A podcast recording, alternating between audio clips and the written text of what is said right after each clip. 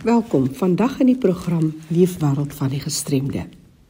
Meervoudige sklerose of MS, soos daarna verwys word, is 'n siekte toestand waarvan ons vandag meer hoor. MS verg komplekse behandeling en word as 'n kroniese siekte gediagnoseer. Daar is nuwe vordering ten opsigte van die behandeling en dinge soos voedsel en dieet word toenemend ingesluit in die diagnose en die behandeling. Die werk van maatskaplike werkers is van kardinale belang vir mense met gestremthede en onlosmaaklik deel van die sukses van die werk is die opleiding en die bemagtiging. Net die volgende brokkie inligting: Die Live Well Villages bied persoonlike en gespesialiseerde dimensieversorging aan met oorde in Kaapstad en Johannesburg. Die programme spreek elke inwoner se persoonlike behoeftes aan deur die aanbied van aktiwiteite met 'n kognitiewe fokus. Hulle bied voltydse dimensieversorging sowel as dagversorging aan gedurende feestydde wanneer primêre versorgers moontlik self met verlof wil gaan of wanneer families moontlik vir 'n paar dae wil wegbreek. Daar is ook gratis ondersteuningsgroepe sowel as interaktiewe praatjies met spesifieke temas onder leiding van vakgebiedspesialiste by 'n verskeidenheid van instellings en organisasies landwyd. Vir meer oor die werk van Live Well Villages, maak 'n draai op hulle webtuiste www.livewell.care. Onthou ons program is beskikbaar as 'n potgooi kyk op rsg.co.za. Ons sluit nou aan by Fanie de Tooi. Baie dankie, Jackie. Ek het nou die voorreg om te gesels met Susan Nudee. En ons kyk na meervoudige sklerose. Susan, welkom by RSG. Baie dankie, Fanny. Lekker om hier te wees. Vertel vir ons wat is MS of meervoudige sklerose? Meervoudige sklerose of MS, soos ek daarna sal verwys in baie kere, is 'n kroniese neurologiese siekte wat die sentrale senuweestelsel aanpas. Dit het 'n impak op die fisieke, en die emosionele sowel as die sosiale welstand van diegene wat dit raak, asook hulle families en versorgers natuurlik. Nou, is daar nuwe tendense in die wêreld wat betrekking het op meervoudige sklerose se behandeling as ons eerstens na die behandeling kan kyk? Ja, daar die daar is baie nuwe tendense in die behandeling van MS, en wat ontwikkel word op die oomblik. Baie daarvan fokus op die gebruik van nuwe medikasie, ehm um, tegnologie natuurlik en terapie um, as ek 'n paar kan noem, persoonlike behandeling ja. wels natuurlik die identifisering van spesifieke kenmerke van 'n individu se se MS, insluitend die tipe, um, die frekwensie wat dit voorkom en die intensiteit van aanvalle en die respons natuurlik op die medikasie. Hierdie inligting word gewoonlik gebruik om 'n pasmaat behandeling vir 'n spesifieke persoon te maak. So dan is daar ook die gebruik van monoklonale antiliggame of MABs dis 'n nuwe kategorie van medikasie wat spesifiek gemik is op die immuunstelsel en wat ook help om inflammasie in die liggaam te verminder. Nou hierdie medikasie kan help om jou simptome te verlig en die progressie van die siekte te vertraag. Ons gebruik ook die gebruik eh, die die stamselterapie. Dit behels weer die gebruik van stamseltegnologie om nuwe neurone en mielien te produseer wat kan help om die skade wat deur MS veroorsaak word te herstel. En daar selfs die gebruik van virtuele werklikheid of VR om mense met MS te help om hulle balans en hulle koördinasie te verbeter en om die simptome van die pyn en die vermoeidheid te verlig want dit is baie kenmerkend van MS. Vordering word natuurlik gemaak met die pasmaak gebruik van die ete en voeding veral in die hedendaagse tyd wat ehm um, jou dieet altyd vir jou belangrik is baie mense glo dat die eet en voeding 'n belangrike rol kan speel in die behandeling van die MS omdat daar 'n toename in navorsing oor die rol van spesifieke voedsel en voedingsstowwe in die behandeling ja. is van hierdie siekte. Ja. So dit is belangrik om op te let dat die behandeling van MS 'n baie persoonlike saak is en dat elke individu se behandeling uniek kan wees. Daarom is dit ook natuurlik belangrik om met 'n gesondheidsorgverskaffer saam te werk en te praat en te bespreek watter behandelingsopsie vir jou die beste sal wees. So mense kan gerus wees dat daar baie ontwikkeling wat plaasvind in die veld van meervoudige sklerose. O ja, daar is wel baie nuwe ontwikkeling wat wat aandui dat daar 'n toename in, jy weet, doeltreffende behandeling en verhoogde lewensgehalte vir pasiënte kan wees Um, een van hierdie ontwikkelings is die toename in die gebruik van antiliggaamterapie wat gerig is op die spesifieke uh, immuunrespons wat verantwoordelik is vir die aanval op die melienskede rondom die neurone van die brein en die rugmurg. Hierdie behandeling kan aktiwiteite van MS nogal vertraag. Dan is daar ook toenemende fokus op persoonlike behandeling en die identifisering van ehm um, subgroep pasiënte wat moontlik meer baat kan vind by sekere behandelingstegnieke. Dit word hier bereik deur die middel van genetiese merkers en 'n beter begrip van onderliggende ehm um, biologiese prosesse wat betrokke is by MS. Die veld van neuroimmunologie en neuroplastisiteit is ook in die opkomende ontwikkelings wat hmm. verwys na die brein se vermoë om te verander en om aan te pas deur middel van ervaring en en jy weet die oefening wat jy ja. kan doen. Ja. Dit kan natuurlik 'n positiewe invloed op die lewensgehalte van MS-pasiënte hê, ehm um, deur hulle die bevordering van herstel en funksionele verbetering verbeter. Dit is belangrik om daar te let dat MS is 'n komplekse siekte en dat nuwe tendense en ontwikkelings in die behandeling daarvan voortdurend ontwikkel. En um, as jy meer inligting oor hierdie behandelings van MS natuurlik wil hê, kan jy dit met jou dokter bespreek of navraag doen by 'n betroubare bron vir die mees akkurate en nuutste inligting, soos byvoorbeeld MS Suid-Afrika. Ja, dit is baie belangrik waar jy ook baie aktief betrokke by is en ons gesels met Susan Odi en ons kyk na die onderwerp die meervoudige sklerose. Susan, hier's 'n luisteraar wat wil weet MS is 'n kroniese siekte nê en uh, hierdie persoon wil weet hoe sou julle by die vereniging die opsom dan die impak op die mens wat hierdie siekte dan nou het of saam daarmee leef elke dag. Die MS of 'n um, meervoudige sklerose is 'n is 'n kroniese siekte. En dit dit is 'n kroniese siekte van die sentrale senuweestelsel wat die brein en die rugmurg raak. 'n uh, impak op 'n pasiënt wat met MS gediagnoseer is kan baie verskil. Dit af, is af afhangende van die persoon se individuele omstandighede natuurlik. Ehm um, daar's beslis die fisieke impak wat ek 'n paar kan noem. MS kan die beweging van 'n persoon beïnvloed met simptome soos uh, swakheid, verlamming, ongemak en 'n gebrek aan koördinasie. Dit kan lei tot vreeslike moegheid, duiseligheid en pyn. Dan is daar die emosionele impak die diagnose van MS kan 'n groot emosionele impak op 'n pasiënt hê, insluitend angs, en depressie en 'n gevoel van verlies van beheer oor jou lewe. Sosiale impak weer MS kan die sosiale lewe van 'n persoon beïnvloed, aangesien dit kan lei tot 'n vermindering in die vermoë om aan aktiwiteite deel te neem en te kommunikeer, soos wat jy normaalweg kon doen. Dan is daar die groot die finansiële impak en dit kan 'n groot finansiële impak hê op 'n pasiënt. As gevolg van al die koste van die behandeling, die mediese toerusting en ander uitgawes wat verband hou met die siekte.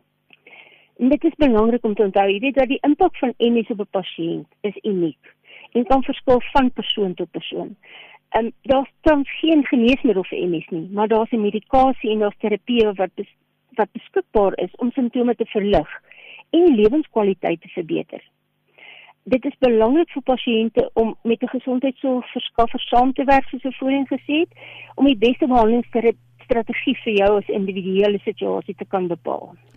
Susan, ek het 'n brief van iemand wat MS het en wat sê sy kry swaar emosioneel.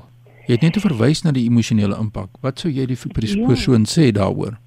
Fonnie, dit is baie belangrik te weet dat 'n mens met MS 'n verhoogde risiko het vir geestesgesondheidsprobleme soos depressie, angs en vrees. Dit kan te wyte wees aan 'n kombinasie van faktore byvoorbeeld insluitend die impak van 'n siekte soos ek nou genoem het op 'n persoon se lewe, die sosiale isolasie wat soms gepaard gaan met MS en dan natuurlik die fisiese en emosionele uitdagings wat die siekte kan veroorsaak. As jy simptome van depressie, angs of vrees het en begin ervaar, is dit belangrik om met 'n gesondheidsorgverskaffer te praat. Ja. Tekens wat dui aandui dat tyd is om met 'n sielkundige te gesels onder andere sal wees, ehm um, as jy aanhoudende gevoel van droefheid of hopeloosheid ervaar. As jy sukkel om te slaap of ja. ongemotiveerd te raak om dinge te doen wat voorheen vir jou belangrik was. Natuurlik as jy baie bekommerd is oor jou toekoms of oor oormatige vrees het vir die gevolge van hierdie siekte. En as jy sukkel om te verstaan of te aanvaar dat jy MS het, want dit is 'n skok vir jou as jy dit hoor. as jy sukkel om met die fisieke en die emosionele uitdagings van MS te cope. Uh, sielkundige kan jou help om met hierdie simptome om te gaan deur middel van terapie, gespreksterapie en ander terapeutiese tegnieke wat hulle het. Ja. Dit kan ook help um, om ondersteuningsgroep by te woon of om hulp te vra by vriende en familie. Onthou, jy is nie alleen nie. Ja. Daar is baie hulp beskikbaar om jou te help om ja. met emosionele uitdagings van MS om te gaan. Wat vir my baie help is ondersteuningsgroepe is van onskatbare waarde en daar is 'n gevestigde en professionele groepe waarby 'n pasiënt kan aansluit. Vind net uit by MSSA en dit kan alles vir jou voorsien word in jou omgewing. Ja, dis fantasties. Jy weet hoe ons gaan nou die kontakbesonderhede van MSSA deurgee want jy's daarbey betrokke, jy's regstreeks daardeur geraak. 'n Laaste boodskapie wat jy kan deurgee aan die families van mense wat regstreeks deur MS geraak is. As 'n pasiënt wat met MS gediagnoseer is, is dit belangrik om 'n goeie ondersteuningsstelsel te hê wat verstaan oor hierdie siekte wat jou lewe affekteer. Dit is belangrik om met die persoon te praat as jy nie die um, die pasiënt is nie, om hulle ervaring en om te hoor waar jy hulp kan aanbied. Ja. En dit is natuurlik belangrik om te weet dat daar ondersteuning en hulp beskikbaar van jou familie en mense met MS en ondersteuningsgroepe. Laat dit net toe of gee net um, die mense die geleentheid om jou te kan help dan ook. Deur saam te werk met ander gesondheidsverskaffers soos neuroloë en arbeidsterapeute kan 'n biokinetikus jou ook baie help met holistiese en multidissiplinêre benadering tot hierdie behandeling vir die MS. Ja. Ja, ja. dit is dis nie 'n lekker siekte nie, maar uh, dit dit kan mense om jou kan dit vir jou verlig. Mens moet net vasbyt. Ja, dis hoekom ons met gesels in die program Leefwêreld van die gestremde oor siekte toestande wat kan aanleiding gee tot verskillende forme van gestremthede in hierdie geval dan nou ook meervoudige sklerose. Nou as iemand julle wil kontak by MS Suid-Afrika, waar kry hulle vir jou of die kontakpersoon aan die hande? Die beste sou wees om vir ons direkteur Non Smit te kontak. Sy is by MSSA in die Kaap. Ehm um, haar uh, e-posadres, ek kan vir haar e-pos stuur is cape@multiplesclerosis cape@multiplesclerosis.co.za. Raaf ons net weer daai e-posadres. cape@multiplesclerosis.co.za. Ja, natuurlik daai multiple sclerosis is een woord en dit is die kontakbesonderhede dan van Non wat u kan bystaan, ondersteuning of verwys na 'n plek waar u die ondersteuning in Suid-Afrika kan ontvang. Susan, dit was 'n voorreg om jou te gesels. Baie sterkte met julle werk daar en ook met jouself. Baie dankie Fanny, dit was 'n voorreg om met jou te kan gesels ook. Dankie. Ja, Jackie, so het ons die verantwoordelikheid hier by RSG om die rolspelers in die organisasies aan die pregemeenskap bekend te stel. Indien jy e-pos aan my wil stuur, fani.dt by mweb.co.za. Groetens uit Kaapstad. Dankie Fani vir jou bydrae. Ek gesels nou met Christel Tron.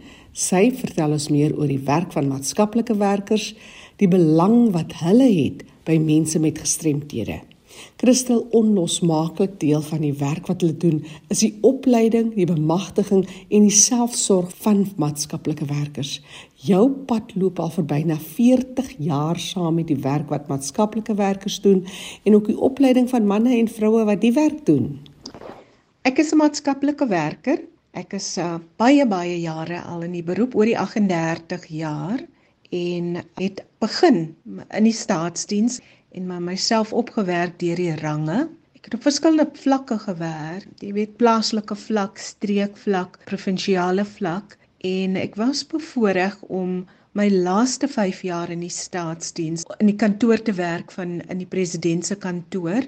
Dis die kantoor op die regte van die kind. So my rol was deel 'n uh, verteenwoordiger van die president se kantoor op verskillende departementele taakspanne en een daarvan was uh die taakspan wat gemoeid was met die skryf van die kinderwet. Moes terugvoer gee. Dit het 'n lang tyd geneem. Ek was oor die 10 jaar daarmee besig. Dit was nou onder die vorige president Thabo Mbeki. Toe ek uh klaarmaak moes ek besluit wat doen ek volgende. En ek dink dit was net 'n natuurlike volgende stap. Ek het dit geniet om inligting oor te dra, to capacitate, to develop, to share in opleiding was die volgende stap vir my. Ek het toe begin met my eie opleidingsmaatskappy. My target market is meestal maatskaplike werkers en maatskaplike hulpwerkers. Die eerste aspek van opleiding wat net natuurlik gekom het was die kinderwet. Ek is regtig gelukkig. Ek is my maatskappy is nou oor die 12 jaar ehm um, waar ek aan die gang is. Maar baie van die maatskaplike werkers reg oor die land onthou my nog steeds vir die opleiding van die kinderwet.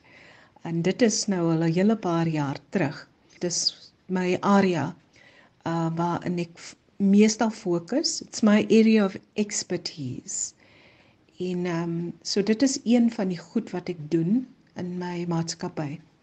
Die ander aspekte waarin ek ook opleiding gee, dis dis dis meer oor aspekte oor maatskaplike werkers, hulle daaglikse taak, taakies wat hulle verrig. Dit gaan oor verslagskrywing. Uh dit gaan oor supervisie. Ehm um, dit dit gaan ook oor etiek in die werksplek. So dis maar 'n paar van die aspekte waarmee ek my besig hou as ek opleiding doen met maatskaplike werkers en ek het al as ek terugdink dat ek het omtrent in die in die afgelope 10 11 jaar het ek al oor die 17000 maatskaplike werkers uh en hulpwerkers opgelei. Met betrekking tot die kinderwet, Wat behels dit en hoe werk die toepassings? Is daar dalk 'n paar uitdagings in die wetgewing wat jy wil uitsonder? Die kinderwet in sigself is is 'n omskrywende dokument. Dit het oor die 20 hoofstukke.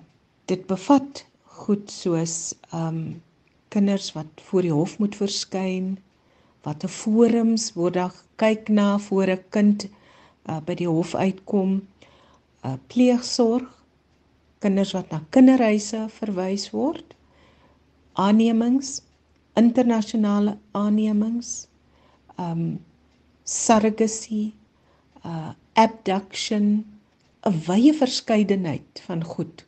Crashes wat ons voorheen genoem het crashes word nou as partial care genoem.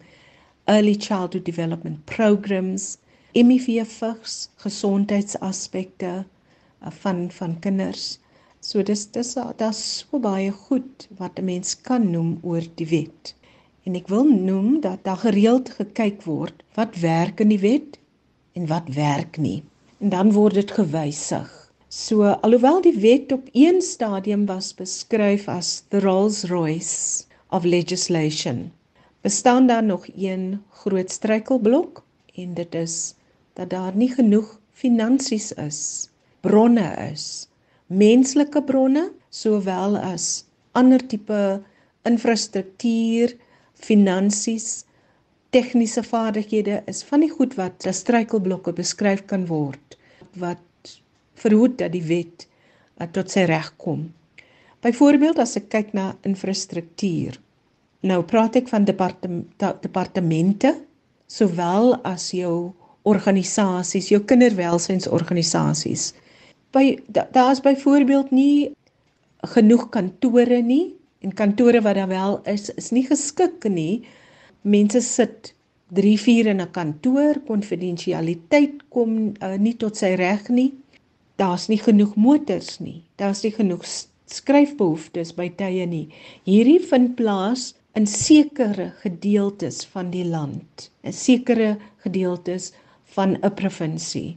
Finansies is 'n groot probleem. Soos jy weet, word kinderwelsyn organisasies gesubsidieer deur die staat. En as daai subsidie nie ontvang word nie, affekteer dit natuurlik die werk. En dan laastens, ek noem dit tegniese vaardighede. As 'n maatskaplike werker byvoorbeeld nie die tegniese vaardighede het om 'n beleid of 'n um, uh wetgewing korrek te interpreteer of te implementeer nie, kan dit lei tot probleme. So dis maar van die goeie wat ons roep challenges with the implementation of the act. Um in my rol is om gedeeltelik dan by die tegniese vaardighede in te kom deur middel van opleiding. En dis waar ek 'n rol kan speel. Jy doen omvattende opleiding vir maatskaplike werkers. Baie mense vind hulle self in die rol van die versorging van mense met gestremthede en ander uitdagings. Vir diegene in sodanige posisie, wat is een van die belangrikste idees wat jy vandag as opleier met hulle wil deel? Maatskaplike werkers in Suid-Afrika tans vind hulle in verskillende sektore Jy sal maatskaplike werkers kry in departement van onderwys, maatskaplike ontwikkeling, gesondheid, justisie, korrektiewe dienste. Um net enige departement waarna jy kan dink. En dan kry jy ook maatskaplike werkers in verskillende organisasies. Hulle werk met bejaardes, met volwassenes, met um verskillende tipe gestremdhede met gehoorgestremdhede, fisiese gestremdhede, intellektuele gestremdhede. Um en as ook in verskillende ander um sektore.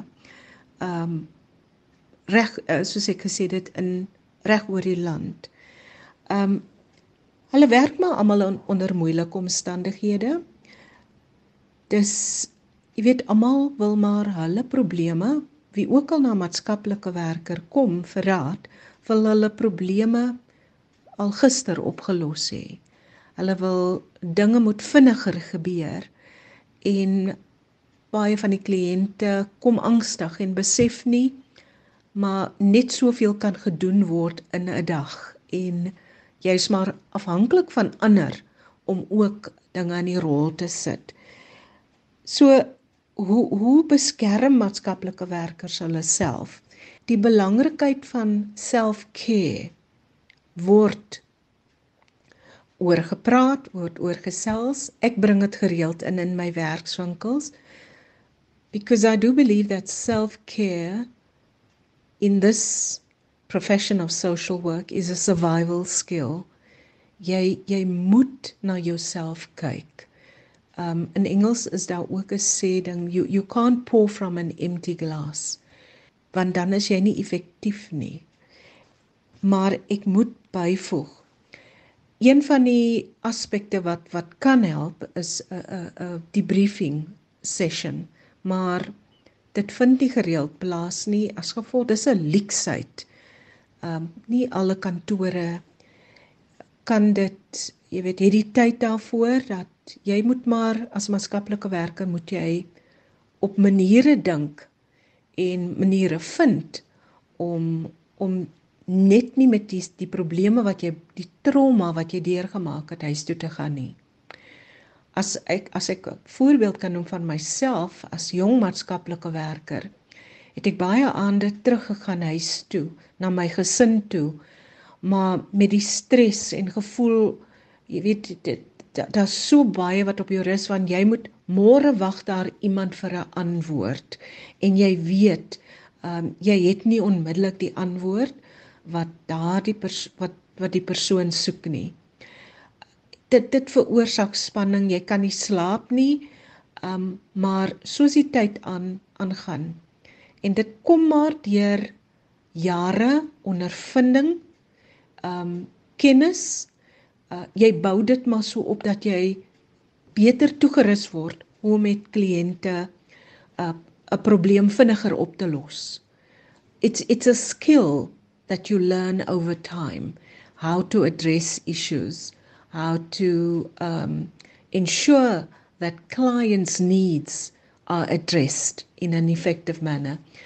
Maar maar die die belangrikheid is vir maatskaplike werkers is self-care. Want as jy na jouself kyk, um jy sterk genoeg dat jy nie gaan, jy weet as iemand is iets traumaties gebeur dat jy ook dan nou you, that you also crumble. Jou professie, soos soos jy jare ervaring opdoen, uh maak jou sterk genoeg dat jy kundig met kundigheid en professionaliteit 'n probleem kan aanspreek al is 'n situasie hoe traumaties dat jy nog steeds in jou dat jy weet hoe om daai situasie te hanteer. Maar uh die nodigheid om na jouself te kyk is so belangrik Ek kan dit net nie genoeg beklemtoon nie. En weer eens doen ek maar my deel om maatskaplike werkers te herinner that they are not robots, that they are human beings and they do need to look after themselves. Want aan die einde van die dag, as jy na jouself kan kyk, dan kan jy jou gemeenskap dat kan jy 'n beter en 'n meer effektiewe diens aan die gemeenskap lewer dat jy aan die einde van die dag weer eens net na die beste belange van jou kliënt gaan omsien en en toesien dat sy belange eerste na gesien word en geadresseer word. Christel Tron, dankie vir jou bydrae vandag. Sy is 'n maatskaplike werker. Sy kan gekontak raak Pretoria nommer 012 333 8819 of stuur vir haar e-pos tron.christel@gmail.com. Onthou die program is beskikbaar as 'n potgooi. Gaan na rsg.co.za Klik onder L vir Leefwêreld van die Gestremde met vandag se datum. Leefwêreld van die Gestremde staan onder leiding van Fanie De Tooy en ek is Jackie January.